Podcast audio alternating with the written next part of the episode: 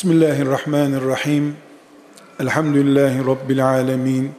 Ve salatu ve selamu ala Resulina Muhammedin ve ala alihi ve sahbihi ecma'in. Değerli kardeşlerim, sizinle küçük bir fikir jimnastiği yapmak istiyorum. Afyon'dayız. Afyon'dan Türkiye'nin batısına veya doğusuna bir yolculuk yapmak istiyoruz. Aracımıza bindik. Afyon'dan karayoluna çıktık. Doğuya doğru gidelim. Afyon'dan yolun bittiği yere kadar kimi zaman 120, kimi zaman 90, kimi zaman 70, 40, 30 bir sürü rakamlar yazıyor. Bazen sağa dönülmez işaretleri oluyor. Bazen de sola dönülmez işaretleri oluyor. Işıklar var. Bir de dümdüz giderken yol ikiye bölünmüş oluyor. Servis yolu diye bir yol çıkıyor. İyi şoför acemi ya da usta şoför demek değildir. Yol şartlarını kullanabilen şoför demektir. Üç günlük ehliyeti olanla 30 senelik ehliyeti olan o yoldaki ayrıntılara dikkat ettiği sürece aynıdır. Bir kere Afyon'dan çıktığımızda karayoluna girdik 90 yazıyordu. Ben Kars'a gidene kadar hep 90 yaparım diyemezsin. 90 60'a düşünce 60'a düşeceksin. Yol sağa kayınca sağa kayacaksın. Yer yer inşaatlardan dolayı, yol bakımından dolayı, yol kaymalarından dolayı servis yolu diye bir yol çıktığında patikadan gider gibi gideceksin. Ben anlamam.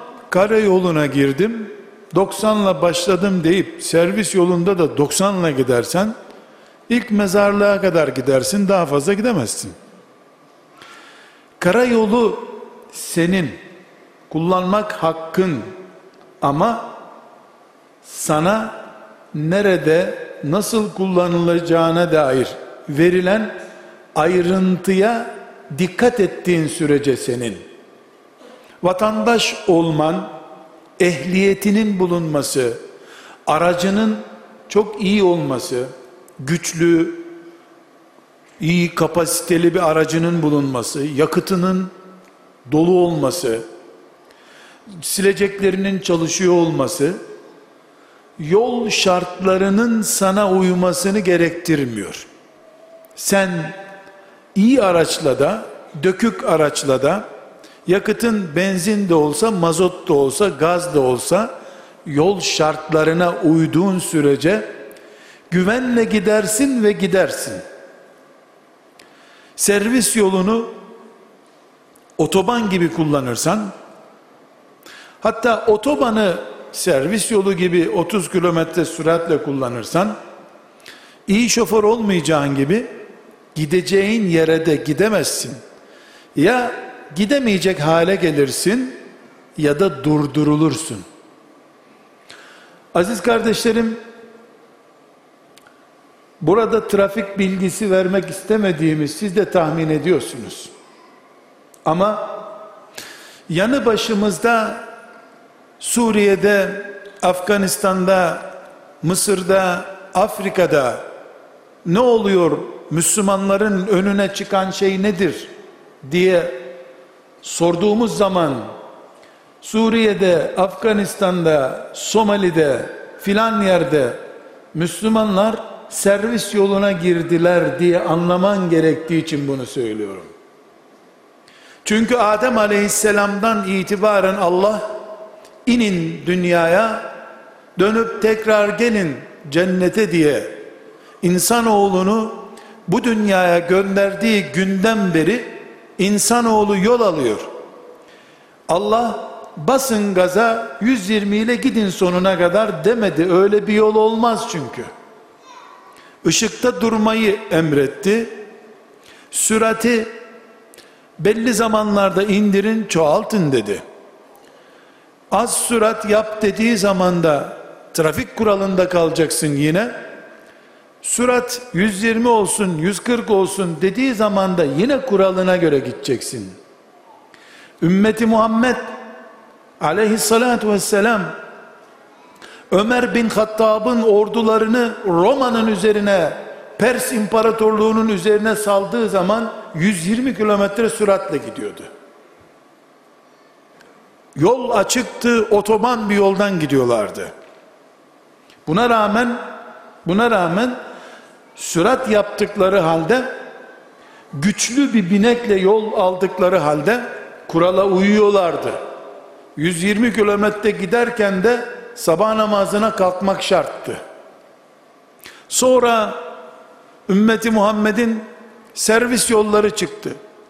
Peygamberinin aleyhissalatü vesselam torununun şehit edilmesi aniden bir virajın çukurlu olması anlamına geldi. Birden araç tökezledi. Sabah namazına yine kalktılar ama. Çünkü 120 kilometre yaparken de 20 kilometre servis yolundan giderken de kural kuraldır. O zaman da fren sistemi, gaz sistemi aynı otobanda 120 kilometre yaparken ki gaz sistemidir, fren sistemidir. Bu kainatta yolu yordamı belirleyen Allah'tır. Zalımı da mazlumu da yaratan Allah'tır. Kışı da yazı da yaratan Allah'tır. Zengini de fakiri de yaratan Allah'tır. Kadını da erkeği de yaratan Allah'tır. Ebu Bekirli bir dünyayı Ebu Lehebli yapan Allah'tır. Peygamber gönderdikten sonra peygamberine dayan göreyim seni diyen Allah'tır. Şeytana da git yap yapabileceğini diyen de Allah'tır. Yol onun, yordam onun çünkü. Yasa koyan, yasalara esir eden Allah'tır çünkü. 7 yaşında bir imam efendinin önünde Kur'an öğrenerek, abdest öğrenerek Müslümanlık hayatına başlayan bir çocuk. 14 yaşında, 21 yaşında, 28 yaşında, 37 yaşında, 47 yaşında, 57 yaşında. O imam efendinin canım yavrum abdest böyle al, al bakayım elhamı oku bakayım deyip ona bir çikolata, ver, çikolata vererek ha elhamı ezberledin al sana çikolata dediği yolun bir süreciydi sadece. Ne ona Kur'an öğreten o hoca efendi, imam efendi, bu çocuk bundan sonra her gün bir elham ezberler, 90 yaşında da şehit olarak ölür diye zannedebilir. Çünkü böyle bir yolu olmayacak o çocuğun hiçbir zaman. Ne de o çocuk başladık elhamla herhalde melekler bekliyordur cennette beni şimdi zannedebilir. Böyle bir yol olmaz. Senin çıktığın sapakta sana 90 kilometre sürat tahdidi verilmişti. 20 kilometre sonraki kırmızı ışıkta duracaksın. Yeşil yanana kadar bekleyeceksin. Yol kuralı bu çünkü. Allah peygamberlerini bile senelerce değil asırlarca kırmızı ışıkta bekletti. Bir Nuh tufanı olsun diye, yeryüzü suyla dolsun diye, nihayetinde bir azap olduğu halde Allah en sevdiği beş kulundan birisi olan Peygamberi Nuh aleyhisselamı 950 sene kırmızı ışıkta bekletti. Yol nasıl devam edeceğini görsün diye. Yol şartlarını yolu yapan belirler. Vatandaşlar trafiğe çıkarken bu yolu 120 şartlarında kullanacağım diye trafiğe bildirim yapamaz. Levhayı vatandaş ve şoför asamaz. Levhayı yolu yapan asar. İnsanı kim yarattıysa, kim kullarını imtihan etmek istiyorsa, kim kullarının cennete veya cehenneme girip girmeyeceklerine dair ayrıntıları meleklerine tutanaklar tutturarak tespit ettirmek istiyorsa Ebu Cehilleri, Ebu Lehebleri, Firavunları, Karunları, Hamanları yol çukuru gibi insanlığın önüne çıkaran, koyan da odur. Çünkü yolun da sahibi, kanunun da sahibi, insanın da haliki Allah'tır. O yapar, dilediğini yapar. Nuh aleyhisselam bu ışıkta ben kaç asırdır bekliyorum demedi.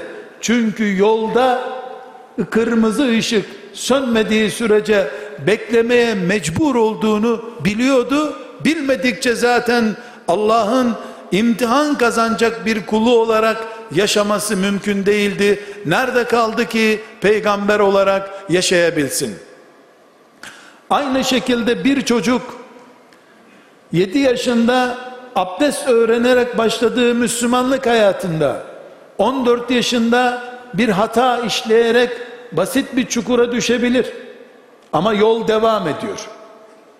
21 yaşındayken mesela annesini babasını bir trafik kazasında kaybederek veya ağır bir hastalık geçirerek servis yollarına takılıyor olabilir ama yol devam ediyor.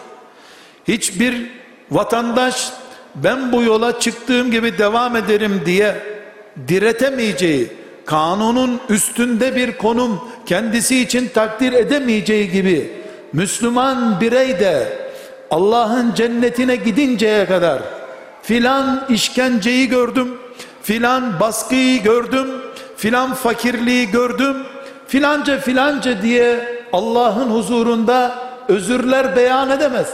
Çünkü Allah'ın peygamberler de dahil olmak üzere hiç kimseye virajsız, engelsiz, rampasız, ışıksız otoban vaadi yoktur kardeşlerim. Yoktur. Peygamberine inen ayetlerinde o kadar açık ve seçik bir şekilde bunu beyan ediyor ki herkesi zorluklarla sınadık sizi de sınayacağız diyor. Rampada kapasiteni ölçecek. Hararet yapıp yapmadığını görecek. Düz yolda iyi bastın gaza da rampada aynı sürati yapıp yapamayacağını görecek. Borcun harcın yokken, ev ihtiyacın yokken faiz haramdı.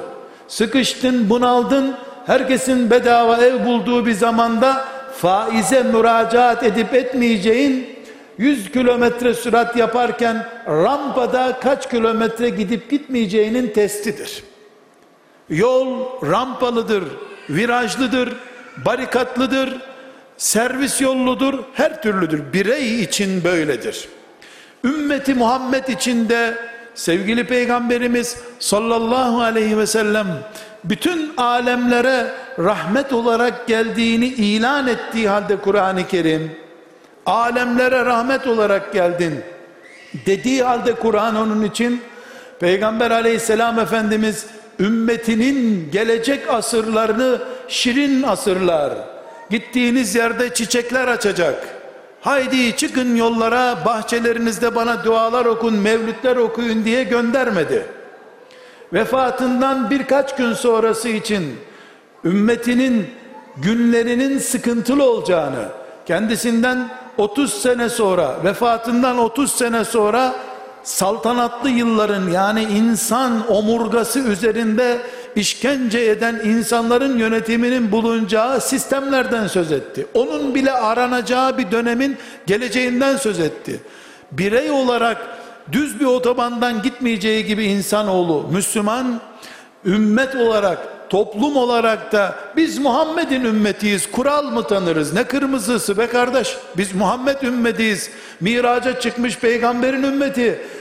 Cebrail'in gidemediği yerleri geçmiş taramış peygamberin ümmeti olarak herhalde bize rampa koymazlar bu dünyada diyemez kimse. Çünkü veda edip gittiği bir konuşmasında benden sonra sıkıntı üstüne sıkıntılar göreceksiniz. Sabredin, birbirinize dalaşmayın, Havz-ı Kevser'de buluşalım diyerek gitti. Hem peygamber böyle diyecek aleyhissalatü vesselam hem de Müslüman yahu filan yerde ne oluyor diye soramazsın. Niye soramazsın? Çünkü sana peygamberin aleyhissalatü vesselam cici, şirin, tatlı, latif bir hayat vaat etmedi ki. Babam Adem'den beri yol böyle gidiyor dedi. Adem'in çıktığı yol bu yol. Zaten rampasız, sıkıntısız, gölgelikli, yağmursuz, yakıtsız bir yol olacak olsaydı cennet öyle bir yerdi zaten. Rampasız hep ağaçların altında asırlarca yol kat edebilirdik cennette. Bunun için aziz kardeşlerim, şahıs olarak ben, müminler olarak benim ümmetim, çile ümmetiyiz biz. Çünkü çıktığımız yolun gerçeğine vakıfız. Rabbimiz yer yer beni şahıs olarak veya ümmetimi servis yollarına alabilir. Bu topraklarda da 100 sene önce bu büyük topraklar servis yoluna dönmüştü. Çanakkale o servis yollarından biriydi. İnsanlar evlerini, camilerini, medreselerini bırakıp Çanakkale'de 10 bin, 20 bin, 30 binli gruplar halinde servis yoluna kurban gittiler. O bir servis yoluydu. İlerideki hilafet İstanbul toprağına kadar sağlam ulaşılması için servise alınmış bir yoldu. Alan da yapan da Allah. Çünkü yolların sahibi, insanların haliki ve projenin sahibi olan Allah dilediği yeri otoban yapmış, dilediği yeri rampalı yapmış, buradan viraj vermiş, buradan çıkış vermemiş. Oradan sağa döndürmüş, buradan sola döndürmüş. Niye? Çünkü keyif sürmek için seni yola çıkarmamış, tam aksine kapasiteni, ehliyetini ve kimliğini test etmek için seni yola sürmüş. İnsanlar yatağında yatarken araç sürücü belgesi almıyorlar. Yollarda sürücü belgesi alınıyor. E nasıl oluyor? Elbette medreselerde, camilerde Kur'an okumamız bizim, namaz kılmamız, hoca efendileri dinlememiz, oturup tesbih çekmemiz, zikir yapmamız, tıpkı ehliyet almak için dershaneye gidip orada bizim aracı tanımamız, motoru tanımamız gibi şeydir. Ama nasıl motoru tanıdın, şunu anladın, karayolları kanununu öğrendin, bin şu arabaya sür bakalım diyerek dershanede öğrendiğin şeyi senden görmek istiyorlar ve bunun karşılığında da ehliyetli kişi, vatandaş diye sana bir belge veriyorlar. Aynı şekilde Kur'an öğrendin, abdest öğrendin, camide namaz kıldın, maşallah tesbih çekiyorsun, örtülüsün, sakallısın, alimsin, çok güzel. Bunlar hep teorik şeyler. Çık yollara, şehvet imtihanında görelim, faiz sınavında görelim, arkadaşlarınla gıybet edip etmeyeceğin bu yolda görülsün, ümmet olarak, millet olarak senin düşmanlarına karşı direncin, tuzağa düşüp düşmeyeceğin, yem olacak şekilde parçalanıp parçalanmayacağın görüleceği yollarda sınav olduktan sonra bir ehliyet alıp Allah'ın huzurunda otobanda denenmiş, test edilmiş Müslüman olarak ancak cennete girebileceğiz. Tıpkı otoban kuralları gibi Allah'ın cennet ve cehenneme giden bu yollardaki kurallarını anlamak zorundayız değerli kardeşlerim. Burada bu zamanın sabrı demek, bu zamanın Müslümanlığı demek, bu zamanın insan karakterli Müslümanlığı demek budur. Allah bizden 50 sene önceki mümin kardeşlerimiz, onlar bizim analarımız, babalarımız, dedelerimizi açlık diye bir barikatta denedi.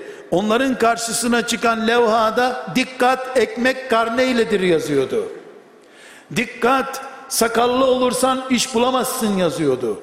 Bizden bir önceki nesil şu anda yaşı 50'nin üzerindekiler dikkat bu yolda başörtüyle dolaşılmaz yazıyordu. Trafik kuralı gibiydi. O yolu nasıl kullanacağını görmek istedi Allah. Sonra dağ şartlarındaki o yollardan geçip ovalara inince bas gaza serbestsin 120 yapabilirsin diye levha gördü. 120 yap Ama sollarken gene kurala göre solla. Mümin kardeşini ezme sakın. 120 yapman serbest. Bas gaza git ama müminin hakkına hukukuna riayet ederek apartmanda oturan bir mümin olarak komşularının hakkına hukukuna riayet ederek yoksa sen nasıl olsa otobandayız diye camları aç her bas gaza yaslan uyu mezara gidersin eğer bir mümin nesil bir çağ bir 20 yıl insanların ekmeği karneyle aldıkları bir dönemse o dönemin Allah'ın kullarını imtihan ettiği tarzı oydu. Kazanılması gereken imtihan oydu. Trafik trafiğin o bölgede kurduğu radarlarda test bunun üzerinden yapılıyordu. Ama başka bir dönem geldi de faiz herhangi bir tereddüt olmadan herkesin cebine girebilecek bir serbestlik, bolluk imkanını gösterdiyse dükkanların önüne, köşe başlarına gel bir kredi kartı al diye bankalar yalvarır hale gelmiş personel koymaya başladılarsa demek ki Allah yolun bu bölümünde faiz bataklığına düşüp düşmeyeceğimizi faiz radarına yakalanıp yakalanmayacağımızı görmek istiyor demek ki. Bu zamanın mücahidi Uhud'a gidip Bedir'e gidip orada Hamza'nın şehit olduğu yerde hatıra fotoğrafı çektiren hacı amca değildir. Bu zamanın sabırlı yiğit Müslümanı ona rica etmeye gelen, yalvaran, bir gün biri öbür gün öbürü gelen banka müdürlerine randevu bile vermeyen hacı efendidir. Hacı Hamza'nın veya filan sahabinin kabri başında hatıra fotoğrafı çektirme zamanı değil. Uhud yani müşriklerin peygamber öldürmek için geldiği dönem bitti. Yolun o bölümünü yürüyerek geçti ümmet zaten. Şimdi gelinen bölümde peygamberin Kur'an'ındaki faizi yok etmek için gelen saldırılara karşı müminin direnip ölürüm aç, sefil, çoluk çocuğumla çadırda kalırım ama Allah'ın faizine karşı asla taviz vermem demektir. Bu zamanın yiğitliği, mücahitliği, hamzalığı budur. Eğer bir önceki nesli Çanakkale'den kafirleri, bu vatanın düşmanlarını geçirmeyeceksin diye Allah imtihan etmek istediyse, o şartlarla o aracı kullananlar kazandı, köylerinde mağaralara sığınıp Çanakkale'ye gitmeyenler de Allah'ın davetine icabet etmeyerek mağlup oldular. Şimdi bu zamanda Çanakkale'ye gidip orada şehit dedelerinin yanında otobüsler dolusu gidip fotoğraf çektirmek ne oradakilere faydalı ne de şimdiki saldırılar açısından kimseye bir kazanımı yok. Dolayısıyla Çanakkale'de sabaha kadar nöbet tutma zamanında değiliz. Ama Çanakkale'yi o gün geçmek isteyenlerin ahlaksızlığına karşı 20 yaşında olduğu halde 50 yaşındaki dedesinden daha takva Allah'tan korkarak sabreden harama el dil göz uzatmayan delikanlı o gün Çanakkale'de şehit düşüp Allah'ın dostu olduğunu belgeleyen o günkü 20 yaşında 14 yaşındaki şehitler gibi değerlidir. Çünkü o da orada İstanbul'u ümmeti Muhammed'in minarelerindeki ezanı korumak için vardı. Ezan Allah'ın diniydi, Allah'ın kanunuydu. O onu korumak istiyordu. Bugün yabancı kızın eline tutmak haramdır. Başkasının çıplak fotoğrafına bakmak haramdır.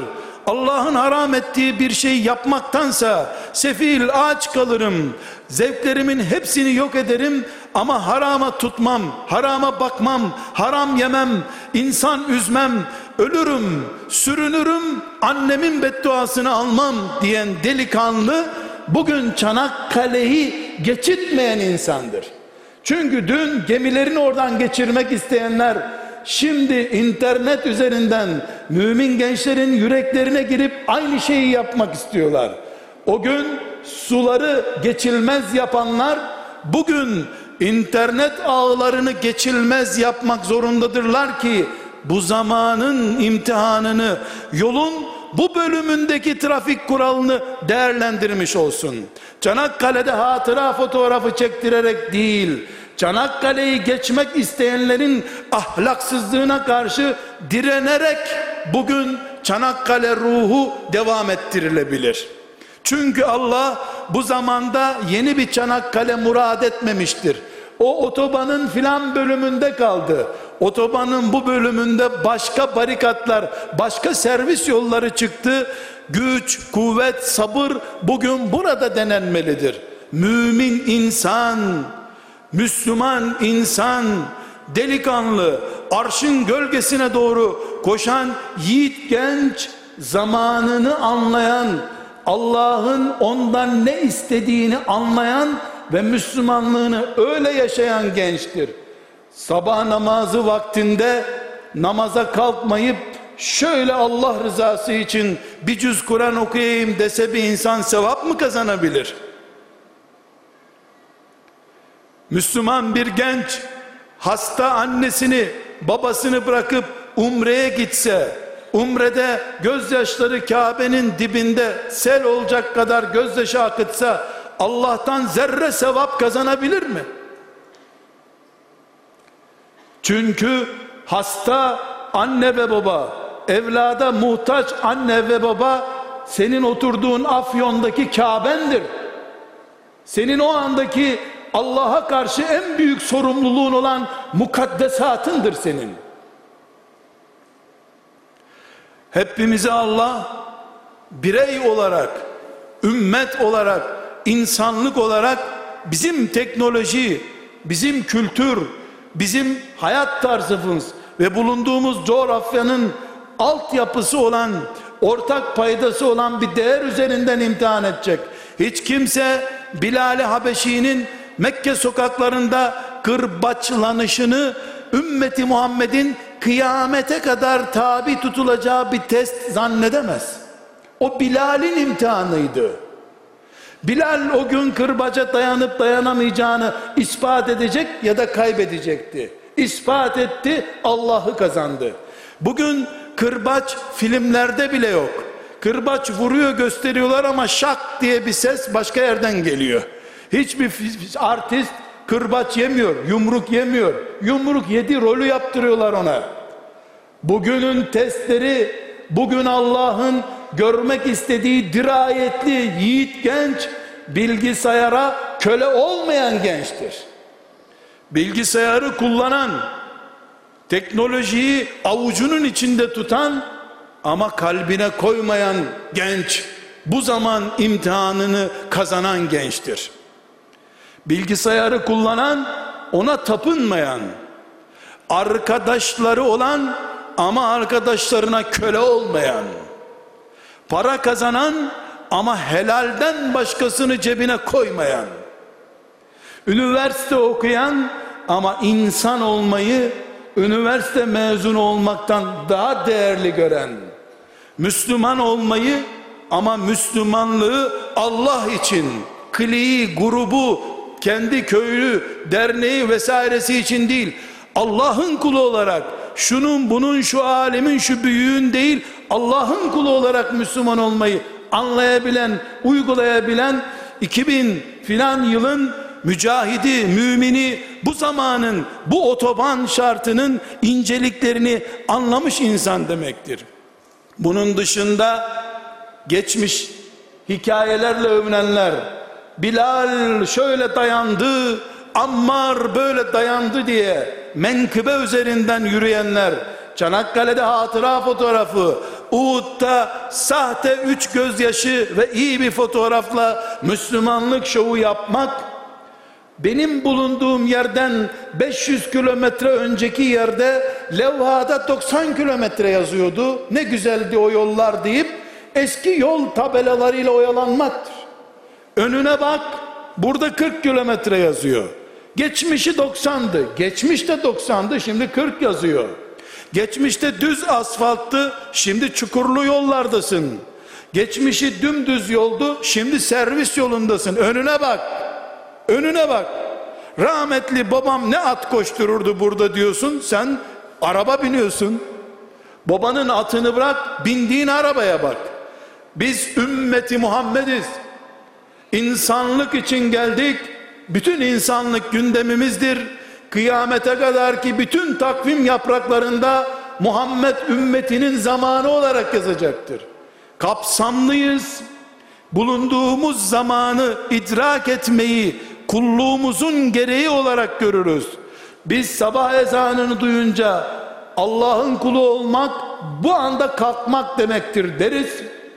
Öğle ezanını duyunca Allah'ın namaz emrini hatırlarız. Annemin telefonunu kulağıma koyunca da tıpkı müezzinin ezanını dinler gibi ana dinlerim, baba dinlerim. Çünkü bana namazı emreden Rabbim benden sonra anne ve baba terbiyesi ve anne baba önünde teslimiyet gösteren bir mümin kültürü sahibi olacaksın diye Kur'an'ında tembih etmişti. Benim için öğle namazıyla anne ve babamın huzurunda edepli saygılı durma arasında bir fark olamaz. Ben ben otobanda devletin vatandaşın veya bir kimsenin kontrolü olmadığı halde yol kenarında çok zorunlu olmadıkça kornaya da basmam gaza da fazla basmam velev ki kanun beni tehdit ediyor olmasa bile bir mümin bir bebek bir insan velev ki Müslüman olmasın benim korna sesimden bu saatte rahatsız olur. Sonra onu yaratan o rahatsızlığın hesabını benden sorar diye korkarım. Çünkü öğle namazını abdestsiz kıldığım zaman Rabbim beni hesaba çeker belki cehenneme atar diye korktuğum gibi bir bebeğin uyanmasına sebep olacak korna gürültüsünü yaparsam o namazı emreden Allah yine beni hesaba çeker diye korkarım. Müslümanlık bu. Bu Müslümanlık evlenirken ben evlendiğim eşim bana helal olsun diye kefil olarak Allah'ı gösterdim. Allah veriyor kabul ediyor musun dediler. Evet Allah'ın bana emanet ettiği kocamı karımı kabul ettim dedim. Sonra üzen ezen atan biri olduğum zaman kefille ne yapacağımı düşünür aile yuvasını öyle devam ettiririm. Bütün dünya 7 milyar insan boşanma kararı verir, ayrılma kararı verir, avukat tutarlar. Ben yarın kefilim olan Allah ile karşılaşıp bunun hesabını vermekten korktuğum için çileme dayanır mahkeme kapılarına gitmem. Bu zamanın imtihanı buysa bu imtihanı bu şekilde geçirmek zorunda olduğuma iman ederim ben. Müslümanlık camide beş vakit namaz kılmakla sınırlı bir din değil. Beş vakit namaz kılmak İslam'ın yüzde kaçıdır? Hac İslam'ın yüzde kaçı olabilir? Kur'an okumak, Kur'an ezberlemek, Müslüman kadınların tesettüre bürünmesi, Müslüman erkeklerin filan işi yapması İslam'ın bütünü değildir. Hiçbir organ insanın ta kendisidir denemediği gibi ne namaz, ne oruç, ne hac, ne tesettür, ne sakal tam başına İslam'dır. Gerisi gerekli değildir denemez. Hepsinin toplamına İslam denir. Müslüman sabah namazı kaçırmadığı gibi sabah namazı vaktinde kornaya da basmayan insandır. Müslüman takımı kazansa da mağlup olsa da sokakta gürültü yapmayan insandır. Herkes takımı kazanınca gürültü yapabiliyor. Ben herkes değilim. Muhammed terbiyesi görmüş bir gencim ben. Dediğim zaman bu zamanın kültürünü kazandım. Bu zamanın imtihanına adayım ve Allah'ın izniyle ben Çanakkale'yi kazananlarla beraber kazananlar arasında bulunacağım demektir. Aziz kardeşlerim, bizim sorunumuz program eksikliği, bilgi eksikliği değil, uygulama sıkıntısıdır. Dinimiz bizi bu şekilde hazırladı. Peygamberimiz veda hutbesinde bile, son konuşmasında bile bu talimatları verip gitti. Ben sizinle bir daha buluşamayacağımı zannediyorum. Sizinle son konuşmamdır bu deyip yüz küsür bin dostunu, sahabisini önüne aldığı zaman orucu tutun, namazı kılın, seneye benim yerime siz gelin hac yapın, benim kurbanlarımı kesin, sadakayı fıtırlarınızı verin demedi. 23 yıl kendisine satır satır inen Kur'an'ın ayetlerini bıraktı, namazı, orucu anlatmadı. Birbirinizin insan hakkına saygılı olun ha. Mekke kadar, Kurban Bayramı kadar, hac kadar değerlidir cebinizdeki bir kuruş, damarınızdaki bir damla kan diyerek gitti. Demek ki son özeti yaparken insanlık üzerinden, ahlak üzerinden, anlayış üzerinden değerlendirme yapıp gitti. Çünkü 70 sene günde 70 vakit namaz kılsan ama bir Müslümanın kanına bir damla bulaştıktan sonra seni hiçbir namaz ebedi cehennemden kalmaktan kurtaramayacak. Bunu bildiği için zaten bunu öğrettiği için Peygamber aleyhisselam Efendimiz veda ederken ben sizin bir daha kafir olup geri dönmenizden korkmuyorum ama dövüşüp birbirinizi öldürmenizden korkuyorum diyerek gitti. Şimdi dünyada Müslüman Müslümanla savaşıyor diye haberleri izlediğimiz zaman ürkülecek bir durum yok. Enteresan bir şeyle karşılaşmadık. Servis yoluna girdik demektir. Bu servis yolunu bize yol tarif eden peygamberimiz aleyhisselam daha önce tarif etmişti zaten. Bu yol dümdüzdür korkmayın dememişti. Önünüzdeki servis yollarına dikkat edin demişti. Aşırı sürat yapmayın levhalara ve yol gösterenlere dikkat edin demişti. Kardeşlerim Sözümün özeti şudur. Biz Müslüman olarak Rabbimize kavuşmak istiyor muyuz? Elbette istiyoruz. Bu serfika Allah'a Müslüman olarak kavuşturulma serfikası mahalle camilerinde dağıtılmaz. Her yerde verilir. Sen nerede Allah ile karşı karşıyaysan orada senin serfikan imzalanacak demektir.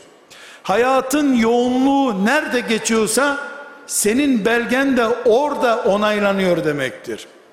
Günde kaç saat 24 saatin yüzde kaçını camide yüzde kaçını okulda yüzde kaçını iş yerinde yüzde kaçını da evde geçiriyorsun bir bak bayan olarak erkek olarak genç olarak yüzde kaç neredesin Yüzde seksen evde misin? 20 saat evde mi geçiriyorsun? Yüzde beş camide misin? Yüzde on külliye fakültede misin? Yüzde beş iş yerinde misin? Yüzde yirmi iş yerinde misin? Senin ağırlıklı puanın o yüzde seksen neredeysen oradandır. Yüzde seksen iş yerinde geçiriyorsun. 20 saat iş yerindesin. 4 saat camidesin. Kıyamet günü senin puanlaman tutulurken yüzde seksenin o dört saatten yüzde yirminin de iş yerinden değerlendirilmesini istesen böyle bir adalet olmaz ki. 20 saat filan yerde ders gördün 4 saatte filan yerde ders gördün bunun puanı bundan çok olsun diyorsun. Böyle bir matematik olmaz. Hayatın nerede geçiyor senin? Direksiyon başında şoförsün. Sen kıyamet günü direksiyon sorunları üzerinden kulluk imtihanına tabi tutulacaksın. Cami senin hayatının yüzde beşini oluşturuyorsa oradaki topladığın şeyler yüzde beştir. Full ibadet yapsan camide yüzde beş puanın olacak. 95'i nerede bulacaksın? Gerisi nerede bu hayatın? Okulda mı? Okuldan toplayacaksın. Cuma'ya gitmiş olman, Kadir gecesine gitmiş olman, Berat gecesi törenlerini baştan sona kadar şehirdeki bütün camileri dolaşarak yaşamış olman bir şey ifade etmiyor ki. Bunlar sadece senin bir yakıt istasyonuna 5 dakika uğraman gibi bir şey. Üstelik bunlar yolda duraklama anlamına geliyor. Hayatı nerede yaşıyorsun sen? Caddelerde mi? Sen cadde kültüründen Allah'ın önüne çıkacaksın. Ev, ev kültüründen. Cami, cami kültüründen. 20 saatini camide geçiren de cami kültüründen sınava tabi tutulacak. Bu zamanın hangi zaman olduğunu bil. Bildiğin bu zamanı Allah senden nasıl soracak onu öğren. Müslümanlığın öyle olsun ve zamanının iyi Müslümanı olarak Rabbine git. Selamun Aleyküm.